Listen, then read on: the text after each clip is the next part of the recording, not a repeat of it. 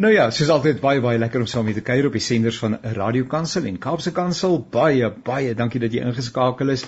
Ek vertrou dat jou dag baie aangenaam verloop het sover en dat daar sommer 'n hele klomp beloftes is wat nog vandag 'n natuurlike uh, realiteit moet word. So sterkte en seënwense vir jou. Nogmaals dankie dat jy ingeskakel is. Dankie ook aan Zani wat vir ons die tegniese versorging van die program behartig. Hy is absoluut 'n steunpilaar en ons sê vir hom baie dankie. Ek het uh, 'n hele paar gaste wat ek aan julle wil voorstel net voordat ek dit doen en die tema van vandag se program op die tafel plaas en ek beloof jou dis baie relevant.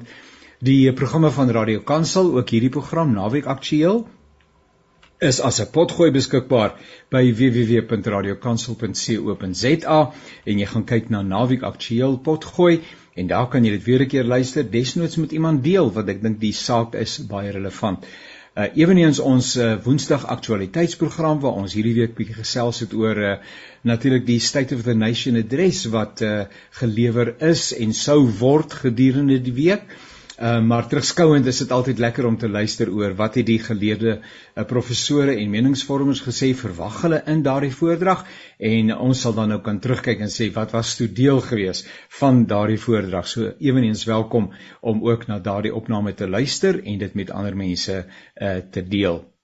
Nou uh, net terwyl dit daarvan dat ons seker maak dat almal aan boord is. Julle weet nou al ons kuier via Zoom. Zoom, wat is 'n Zoom? Is dit nou klink soos iemand se oom Zoom.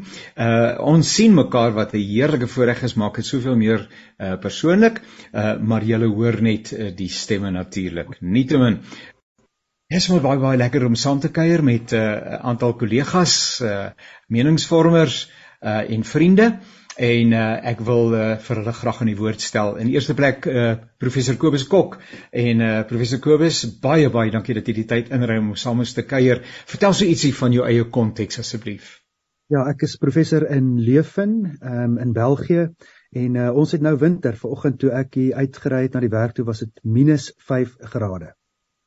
Ja, dit is sommer yskoud en dit is wonderlik dat jy vanuit uh daardie konteks met ons kan saamkuier. Baie dankie.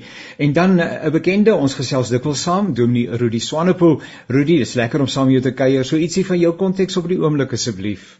Dankie Jannie, dis is altyd lekker om saam te gesels. Ek sien Johannesburg. Ehm um, ja, en dit gaan goed en ons geniet nog die somer. Jammer Kobus,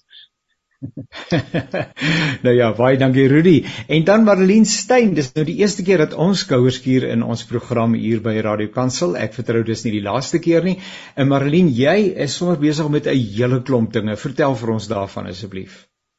Ehm um, nee, wel ek uh, was predikant geweest, maar die afgelope jaar of so werk ek voltyds aan my PhD in praktiese teologie en ek's 'n modulassistent vir Prof Kas Webner en ons dink oor prediking en liturgie diensorde en dan is ek so betrokke by Genote College ook as 'n dosent.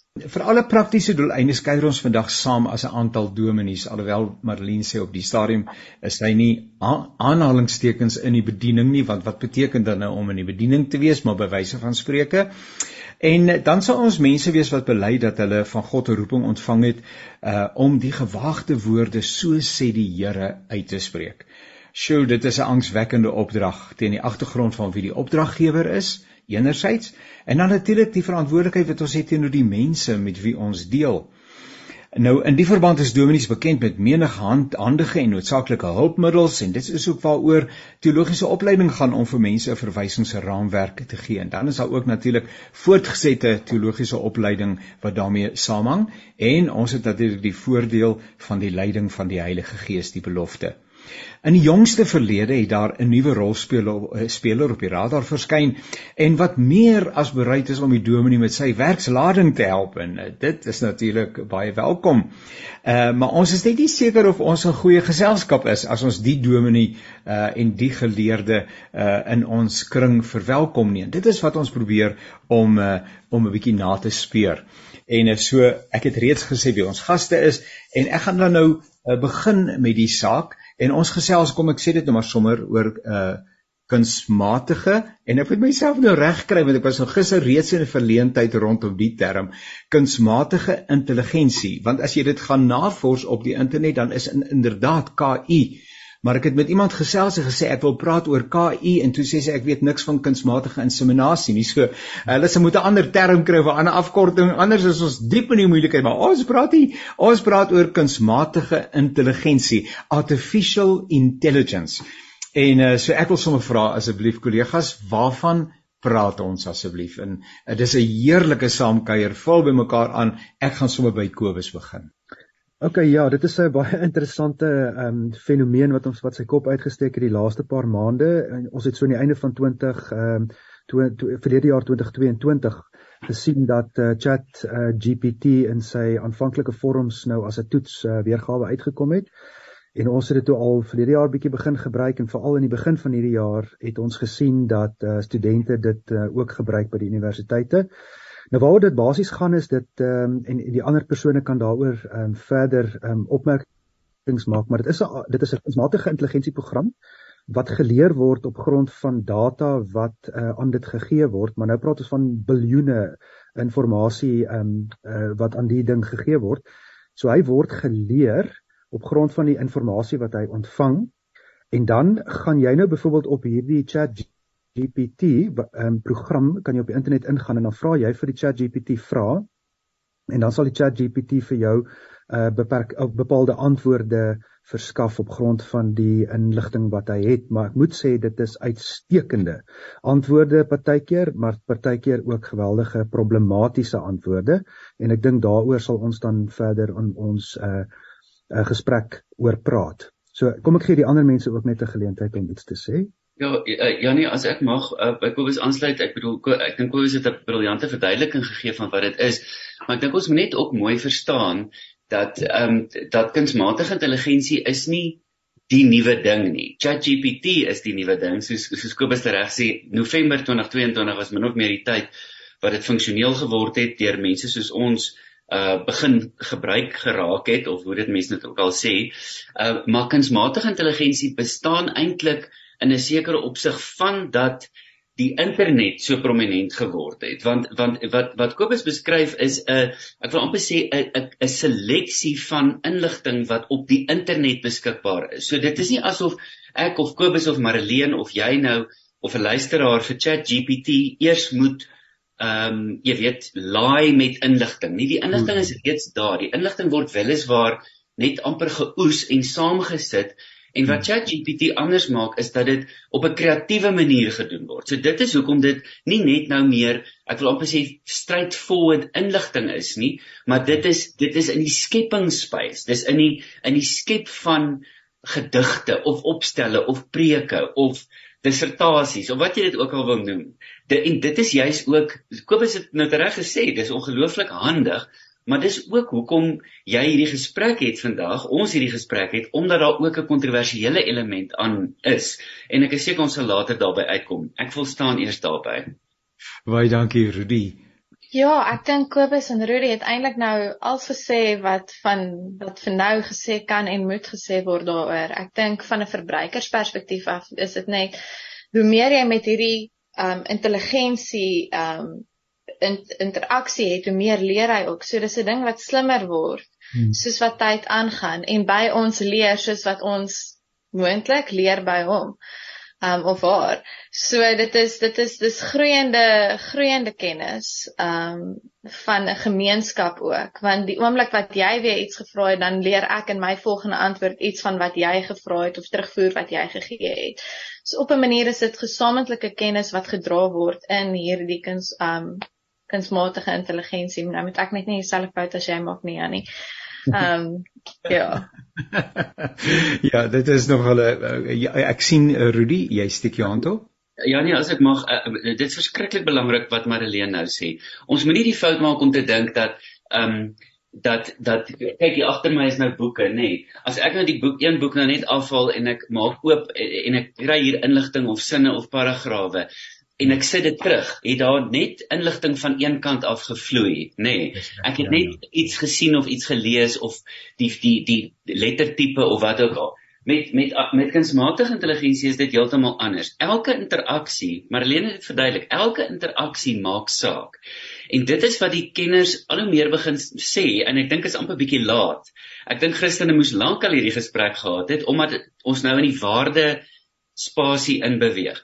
Wat Marlene sê is dat elke keer wat jy iets terug sê of feedback gee of ehm um, hoe dit ook al in watter vorm jou interaksie terug is na kunsmatige intelligensie toe, gee jy eintlik nuwe inligting waarmee dit werk. Met ander woorde, kom ons gebruik 'n ander voorbeeld.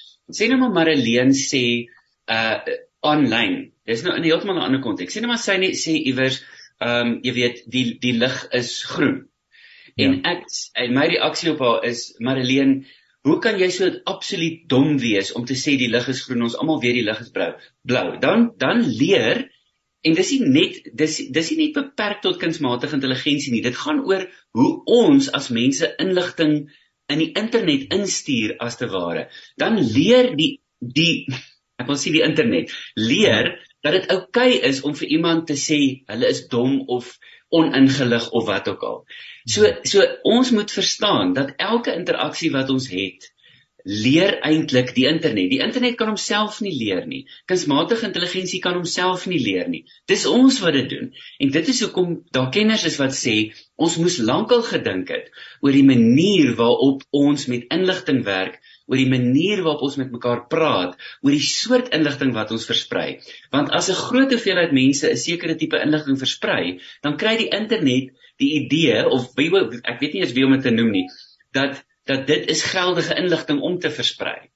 So ons het hier met 'n baie interessante verskynsel uit te waai. En Jannie en Kobus en Marlene, ek hoop ons kan op 'n stadium praat oor die vreeselement want soos met baie dinge wat nuut is, wek dit by mense 'n mate van vrees.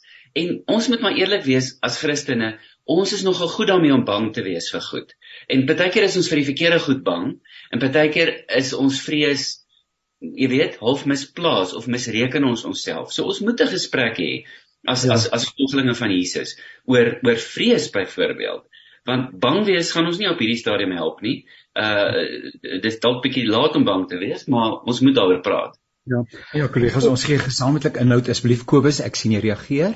Oh, ek wil so 'n bietjie aansluit by wat um, Rudy nou sê, ehm um, en en daar's 'n ding wat Diogenes Allen ehm um, so 'n paar jaar terug gesê het, ehm um, en die van ons wat geleef het in die 80s sal nog onthou.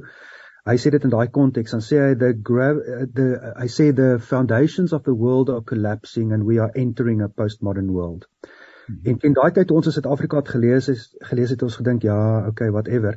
Toe kom die internet en al hierdie revolusies, die, die ons het selfone begin kry, internet begin kry.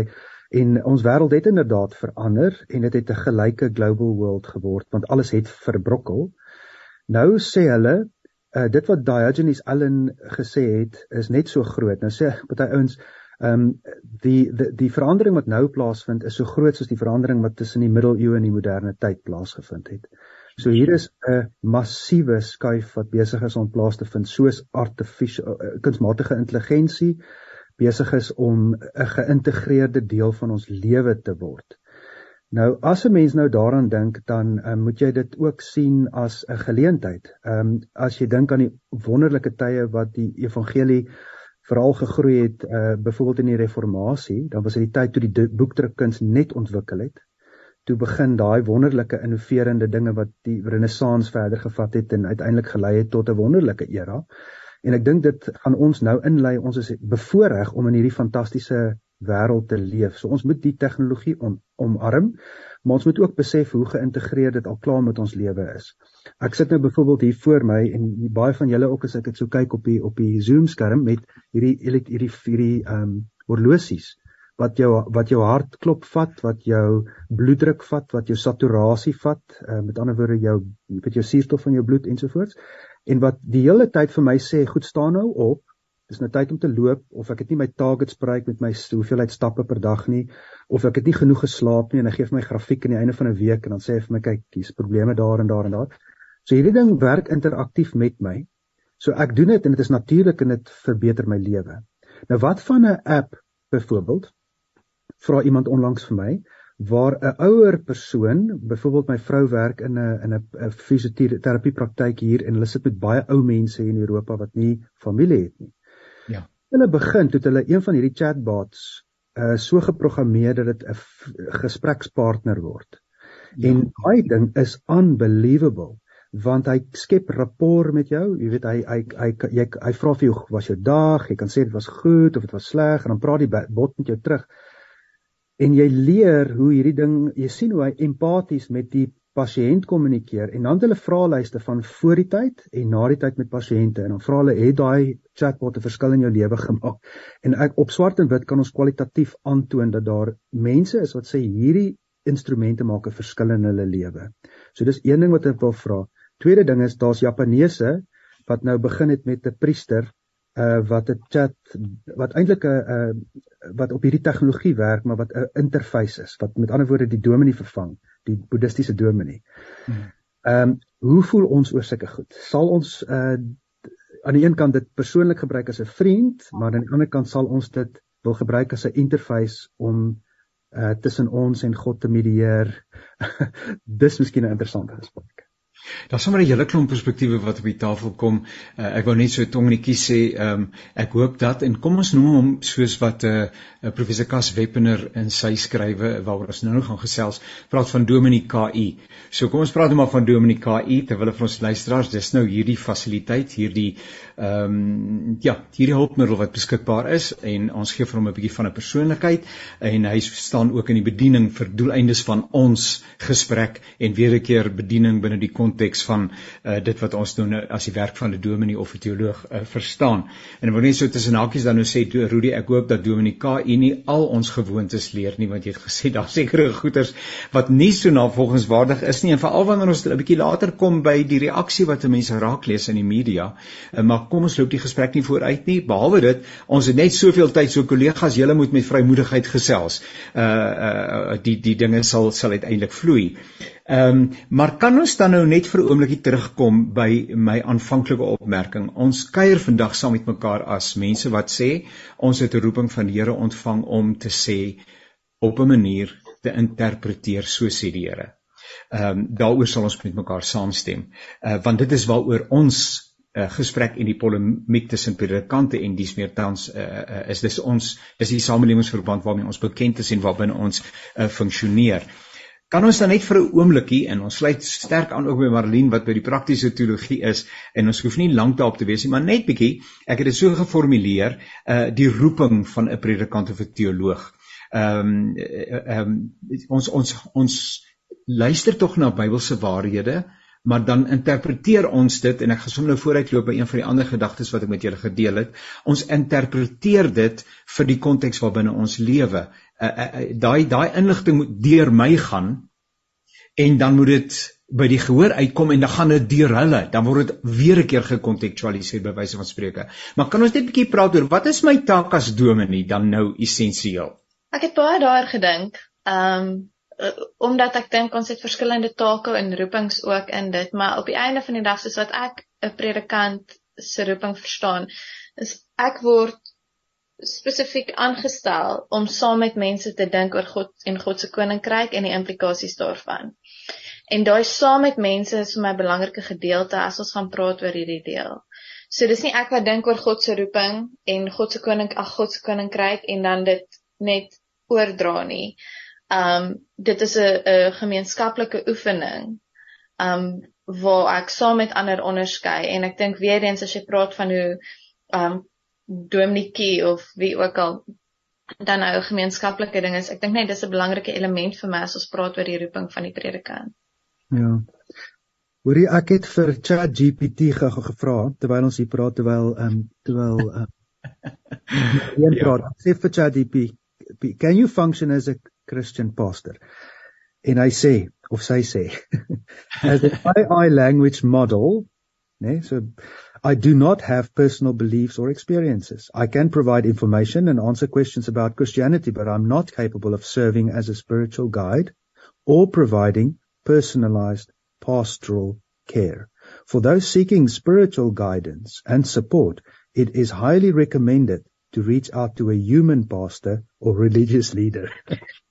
Is dit nie nou, aangrypend eintlik nie, nê? Nee, dit, dit is ja nee en en en, en ek bedoel Kobus dit is fantasties dat jy dit nou sommer net nou gedoen ja. het want dit ja. illustreer dat dat hierdie kunsmatige intelligensie het 'n vorm van 'n oordeel. Ja. Want daai is tog 'n nugter oordeel, nê, nee, of dis nugter advies om te ja. sê as jy 'n 'n werklike predikant soek, soek eerder 'n werklike predikant. So dit is ook vir my interessant dat ons onmiddellik gegaan het na jy weet na Dominikae wat nou in teorie eintlik ja. maar ons werk kan vervang. En nou ja. antwoord ChatGPT self Nee, maar dit kan nie so wees nie. Um, ek stel voor dat jy eerder na 'n mens toe gaan en en Marlene sê dit so mooi. Uh, ek bedoel die die implikasie is dat ons eintlik in gemeenskap met mekaar ehm um, jy weet moet leef. Dis tog waarvoor ons geskep is en dis ja. fascinerend dat ja. ChatGPT self daai antwoord gee. Ek dink dit is dit is dit is presies wat jy sê daar's 'n vorm van uh, van 'n interpretasie wat hier plaasgevind het want dit is nie 'n standaard antwoord nie dit is letterlik in interaksie met my wat hierdie ding met ander woorde die vermoë gehad het om verskillende elemente te integreer. Ek het op 'n stadium vir hom gevra nê en julle sal dit nou waardeer. Ek ek het 'n bepaalde onderwerp gehad en ek sê toe gee vir my 'n uh, 'n geïntegreerde antwoord deur te verwys na Kafka nê nee, die groot filosoof en ehm um, na Slavoj Žižek se Puppet and the Dwarf, een van sy van sy nuwe boeke. Toe gee hy vir my 'n geïntegreerde antwoord wat ek gevoel het so intelligent was dat ek ek gedink het 'n mens sou dit nie so vinnig kon gedoen het nie. My kollegas sou dit nie so vinnig kon doen nie. So die ding het die vermoë om te kan oordeel. Maar nou is hier een van die etiese vrae wat wat ons ook oor hierdie storie het en dit is die vraag as hy die vermoë het om uh, op grond van die inligting wat hy het dit te kan doen is daar die kans dat hy met of sy met vooroordeele werk hmm. en baie mense daaroor gaan reflekteer en agtergekom ja inderdaad is dit 'n probleem want as so 'n program geleer word op inligting wat van wat meestal geskryf word deur blanke mans, wit mans, dan het hy 'n inherente vooroordeel wat reflekterend is van die data wat hy uitgee. So met ander woorde, partykeer is hy nie so onveroordelend nie. Hy is implisiet verbonde met 'n uh, diskurs wat aan mag gebind kan word as jy dink aan Bourdieu en Foucault, Foucault en al die tipe ouens. So wat wat dink julle van die tipe ding om te sê maar die ding is nie sonder oordeele en vooroordeele nie. Kyk, ek bedoel Marlene, Marlene, ek wil eintlik hoor wat jy daaroor dink, maar jy het gesê ehm um, dat dat dat dat inligting eintlik uh deur die kollektief, jy weet, gefilter ge, ge, ge moet word om onderskeidend te werk met inligting. Nou Kobus se opmerking nou net, dit sal 'n probleem wees as die inligting net die, en dis wat goed wat ons nie weet nie want ons werk nie in programmering nie ons sit nie in Silicon Valley of wherever hierdie mense sit nie. Ehm um, so so maar so dit sou 'n probleem wees as die inligting net deur 'n sekere groep mense gefilter word want dan is daai vooroordeel eh, deel van die onderbou. Maar maar ek het 'n goeie vermoede dat daar ehm um, genoeg ek wil amper sê goeie waardes in omloop is wat is wat daai sensitiwiteite skep wat nodig is om selfs bewus van vooroordeel te wees. Maar ek dink die tyd gaan leer of dit of dit regtig die geval is want dis dit dit is 'n vraag wat by baie mense leef. Jy weet, word daar nie vooroordeele nou deel van hierdie storie nie. Hmm. Daar moet tog wees. Ek meen ek sien maar in die skool van denke wat dink niks is is is objektief nie. Hmm. Ehm um, en en ek kan nie dink dat hierdie bot elke liewe stem ewe swaar laat weeg nie. Bloot die feit dat mense met toegang het tot internet om met die bot te gesels. Sit al klaar spul mense in hierdie wêreld uit die gesprek uit. Mhm. Mm um so daar sal reeds 'n 'n sekere ekonomiese um vooroordeel in in die kennis wat wat betrokke is. Um as mense dit so kan stel. Ehm um, so ja, nee, ek dink nie mens kan ooit ek dink dit help ons as ons sê dat ons moet altyd dink wie se storie vertel dit soos geskiedenis. Ons praat nou van hierdie hierdie KI wat nou die toekoms half amper, maar wie wie se geskiedenis word vertel, wie se stem en hierso is dit dieselfde, wie se stem word gehoor. Ek dink is 'n kosbare vraag om te vra. Hmm. Wil julle graag hoor wat sê ChatGPT daaroor? Natuurlik.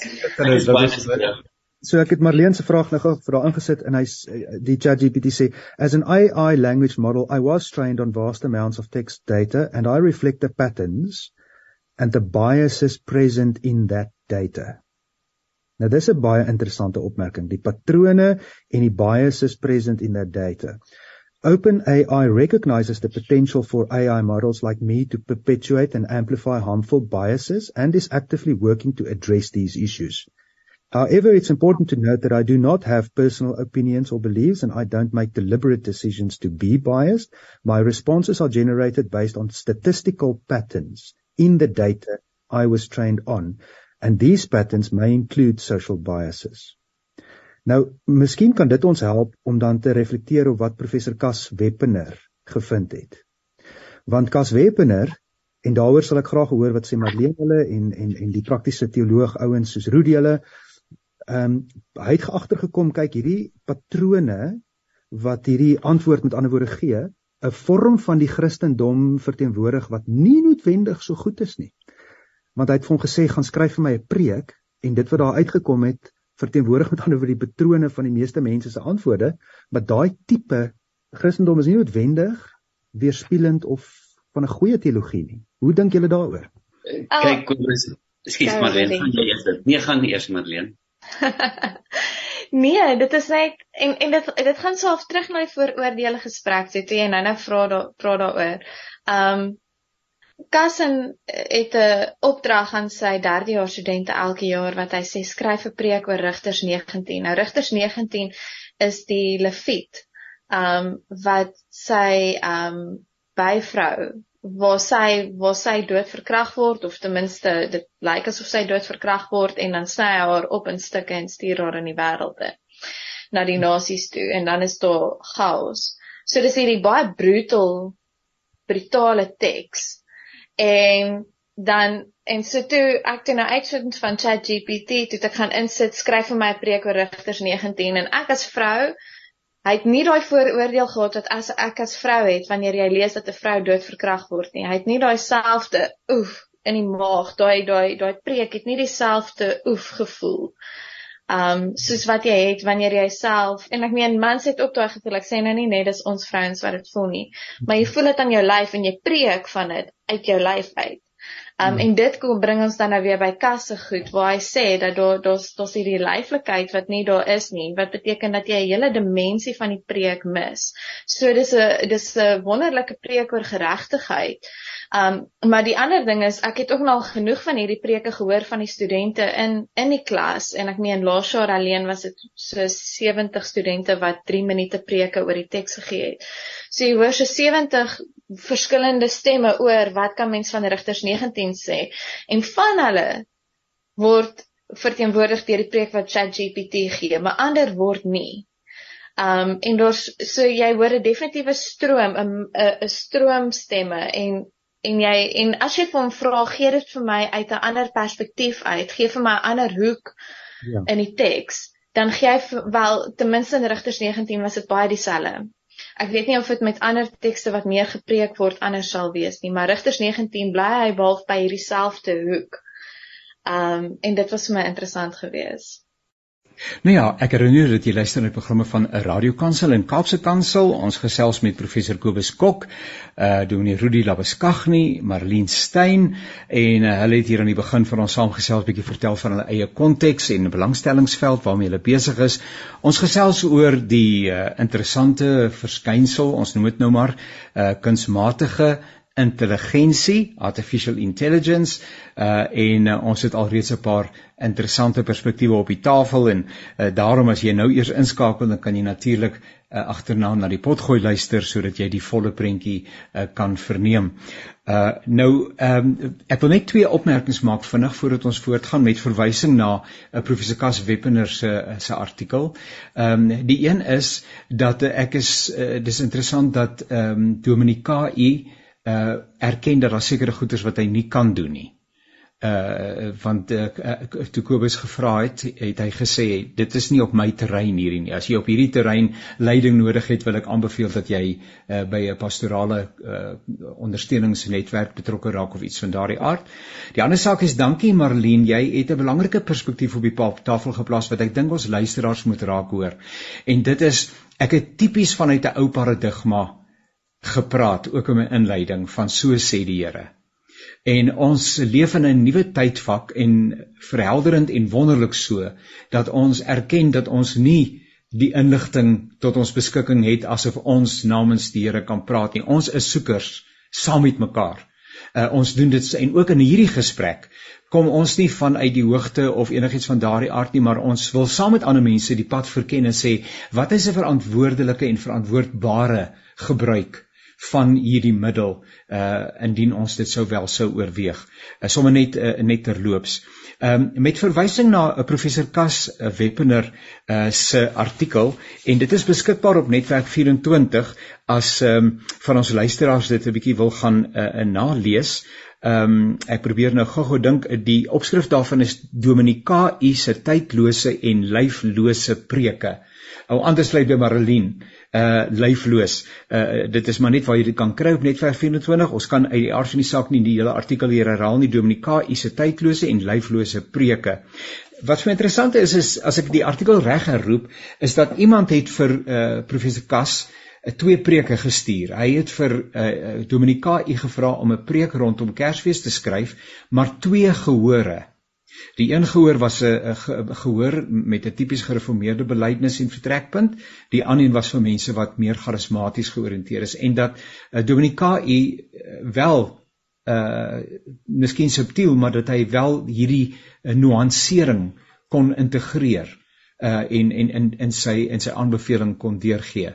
Uh, kan ons 'n bietjie daaroor gesels en saam met die hele saak wat Marlene op die tafel geplaas het, naamlik die die lyflikheid uh van Dominikaas u se betrokkenheid uh, en en en en interpretasie en dan konteks. Uh hoe verreken byvoorbeeld ehm um, as ons praat oor armoede en ons sê ons soek een of ander uh hulp ons soek ons soek leiding of ons soek inligting ehm um, hoe verdiskonteer hy armoede binne Suid-Afrikaanse konteks? Teen die agtergrond van ons geskiedenis vanuit apartheid Warawara ensovoorts ensovoorts of kan jy al hierdie merkers vir hom gee en hy gaan dit kan doen? Ja ehm um, ek ek sien Kobus knik uh, baie instemmend. Ja nee dis inderdaad so so uh, ek dink wat meeste mense wat nou al begin uh begin het om ChatGPT te gebruik agtergekom het is dat jy kan baie spesifieke wel nommer 1 hoe meer spesifiek jy is in jou beskrywing van wat jy nodig het hoe in aanhalingstekens beter is jou antwoord.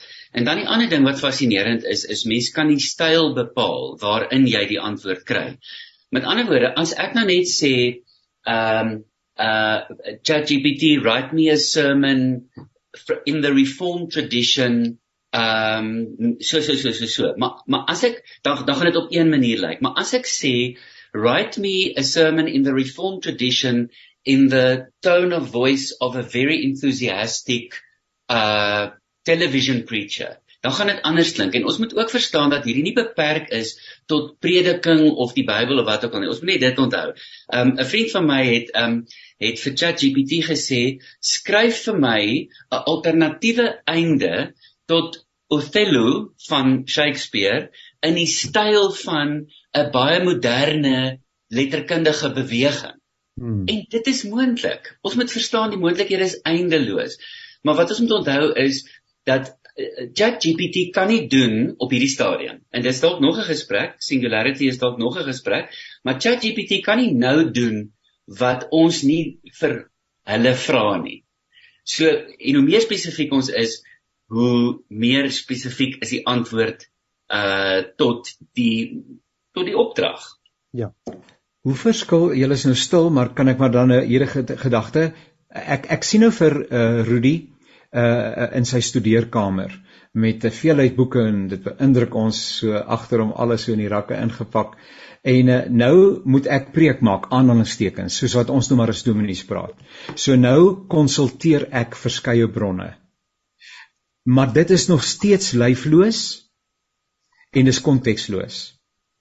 So dis nou eers wanneer ek daai inligting neem en ek dit dan nou soos ek sê self in my eie menswees verdiskonteer teen my eie agtergrond en Suid-Afrika en sy noem dit maar die voorbeeld wat Marien gebruik het naamlik van Rigters 19 en ons dink byvoorbeeld aan Suid-Afrika as 'n gewelddadige kultuur veral met betrekking tot vroue en kinders en jy bring al daai perspektiewe by dat die oomblik wanneer ek dit waag om op die kansel te staan ek daai goeters kan intrek. Ehm um, so is vir alle praktiese doeleindes Dominika Unie net nog 'n 'n boek op my rak nie. Hmm. Met die voordeel dat hy meer resent is as enige werk wat ek op my rak mag hê. Want hy is so resent soos die afgelope sekond. Ja. Ja.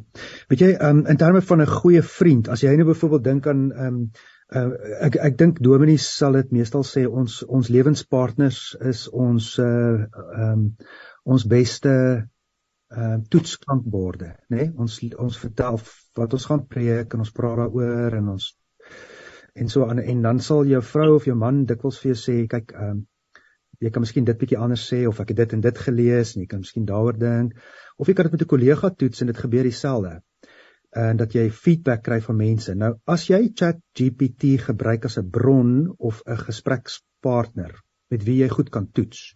Hmm. Met ander woorde jy sê, weet jy wat ek uh, werk op 'n topik en uh, my topik is byvoorbeeld genade en ja, kan jy my bietjie help om te integreer?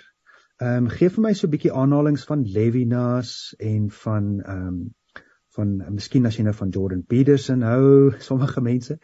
Ehm um, en en en dan kyk jy en miskien Jung en James Hollis byvoorbeeld met interessante ouens as jy die ouens begin kombineer op met mekaar dan kyk jy wat hy doen en en jy gaan verbaas wees of ek het dit gedoen en ek moet sê die antwoorde wat hy vir my gee is ongelooflik of sy vir my gee ongelooflik interessant en dit is 'n bron wat ek gebruik en 'n gespreksgenoot wat ek vind as dominee en as professor vir my iemand is wat regtig vir my help dan sal ek byvoorbeeld sê dis 'n interessante opmerking wat jy daar of daar gemaak het. Waar gaan ek bronne kry waar hierdie in staan? Dan gee die ding vir my bronne, artikels en boeke wat ek verder kan gaan lees. So met ander woorde, dit is vir my beter as die professors wat letterlik langs my my kantoor is, dat ek voel hierdie ding gee vir my as mens 'n uh, ruimte om beter te kan my werk doen. So dit is eintlik 'n bron, soos wat jy sê. Ek ek kan nie sien dat dit 'n probleem is nie. Dis net nog 'n bron. Maar jy moet dit nou nie vat en maak asof dit jou eie is nie. Jy moet ja. jy moet dit jy moet dit verwerk in jouself en as 'n dominee moet jy dit belyf. Jy moet dit embody en dis iets anders. Dit is 'n ander proses. Net vinnig dus en ek sê uh, Rudy, uh, ons het nou al uh, vir vir uh, Dominika U as hy beskryf is sy en nou sit 'n ding. So ons is nie heeltemal seker hoe ons hierdie uh, persoonlikheid moet de definieer nie. Rudy Johan is op. Ehm um, ekskuus, ek gaan eers ek gaan eers dat verbygaan. Ek het my gedagtes trek. Ek, ek kan ek kan vir jou antwoord gee oor die hy of sy. My vrou in die aande baie laat in die aand want ek slaap eers hier so rond middernag of daarna Dan kom my ja. vrou baie keer dan sê sy net vir my rond middernag Kobie, dis nou tyd om te kom slaap. En ja. dan sal sy sê, "Is jy en jou vriendin weer besig met mekaar te chat?" ja. So dit ek gesê nee, dis nie my vriendin nie. Hierdie ja. chat GPT is nie 'n sy nie, dis 'n hy. Ja. Jy wou reageer op my opmerking dat daar bronne op jou boekrak is en hier is net nog 'n broek 'n boek 'n bron wat deur jou eie mens wees as dit ware gekontekstualiseer moet word. Maar goed, ons ons sluit nou daarbey aan Marlene, jy sê? Ja, oh, ag ek dink as mense nou dink aan baie mense is bekommerd ek sien van die terugvoer het gepraat oor um hoekom lê ons dan nog dominees op of of hoeveel mense sit in die in die klaskamer twee meisies en drie rekenaars of so iets. Ehm um, ek het nou net so vinnig daai goed gelees nou nou. Ek dink as mens kom by om om om predikante op te lei is om te sê maar hier is 'n hulpbron. Um dit is so dat wanneer ek 'n preek voorberei, ek na ander predikante se preke kyk, nie om dit af te skryf nie, maar om te kyk wat sien hulle raak wat ek misgekyk het. Ja, um en my ou Nuwe Testament dosent is nou hier so reg voor my sê ek moet seker kyk kyk nog na die Grieks ook. Ehm um, maar uh, maar op die einde van die dag kyk jy na al hierdie bronne en jy vat dit saam. So ek ek ek ek dink dis 'n ensiklopedie. Dis een van die dis 'n nuwe vorm van ensiklopedie wat ons het. Ja. Ehm um, en daarmee omdat dit 'n gemeenskaplike ensiklopedie is en omdat jy nie kan sien wie dit geskryf het nie, moet jy versigtig werk met die ensiklopedie. Want as genoeg mense daar buite sê die lig is groen, dan moet ons seker maak dat ek weet nie hoe dit werk nie. Ek ek meen julle weet dalk meer as ek hier. So ons moet seker maak dat hierdie bot nog steeds werk met nie net die die grootste hoeveelheid stemme nie, maar ook met die mees akkurate wetenskaplike stemme. So ons moet ons moet mooi kyk wie hierdie ensiklopedie geskryf. Maar ek sien ook van die kritiek is dat ons nou die Heilige Gees agterlaat. Ons moet onthou dat prediking daar's daar's 'n paar goed as ek mag goed vooruitspring net vinnig um prediking is nie net die dominee en die woorde nie. Die Heilige Gees en die skrif staan apart van die prediker. Um en daai woord is nog steeds geïnspireer. Die Heilige Gees is nog steeds besig om te werk in die prediker en in die gemeente.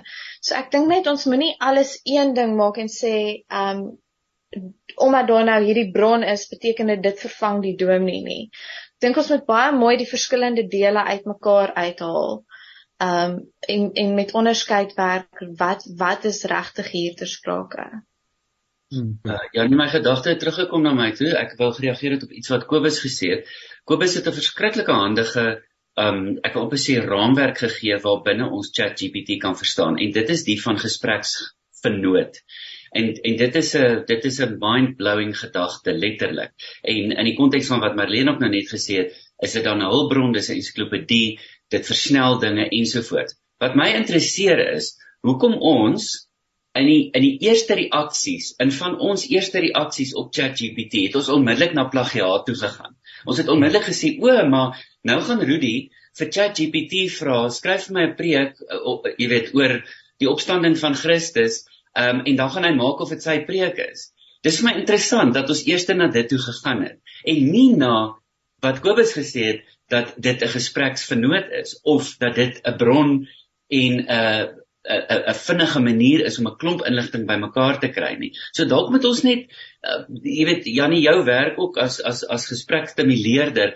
Dalk moet 'n mens net bietjie ook verder gesels weer oor die belangrikheid van waardes en van van etiek en en ek bedoel hierdie gesprek oor oor plagiaat of oor eie werk of nie eie werk nie dit vind in ander kontekste ook plaas nie net binne die kerklike en dit is 'n broodnodige gesprek om te hê nie om vir mense te sê jy weet ons weet nou wat julle gaan doen julle gaan almal plagiaat pleeg nie. Want mense gaan dit waarskynlik nie doen nie want jy gaan gewoon uitgevang word. Ek bedoel as ek sonderdag op die kansel staan en ek lees die preek wat ek gevra het ChatGPT vir my, mense gaan vir my sê maar Rudy, dit klink nie soos jy nie. Hulle gaan hulle gaan vir my sê dit klink nie soos jy nie. Maar as ek dit soos inligting gebruik het op die manier van die ensiklopedie of die studiestuk wat ek gekonsulteer het, dan dan dan raak dit mos deel van my konteks, my wêreld en ook die konteks van die gemeente waar ek bedien. Ek wonder of die vrees nie is, ek wonder of daar onderliggende vrees is van kan God deur tegnologie werk. Ek dink dit is 'n skeptisisme wat ons op baie plekke hoor. Hmm. Ehm um, bloot ehm um, medikasie ehm um, byvoorbeeld. Daar daar is 'n skeptisisme rondom hoe baie kan God deur tegnologie wat in ons kop 'n mens gemaak is. Hmm. Ehm um, hoe baie kan God deur so iets werk? En as ons as ons as ons dit afbreek en sê dis nie 'n robot wat met my praat nie, maar dis 'n rekenaar en en, en mense vat dit terug soos wat ons reeds gesê het na die drukkerspers van die reformatie. Wat ook 'n vorm van teg, um, tegnologie was wat half mense gehelp het om inligting te bekom.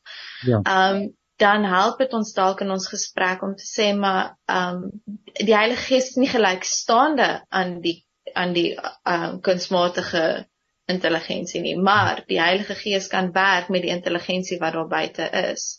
Ja. Kan, ons weet nie hoe nie, dis 'n baie sterk stelling daar.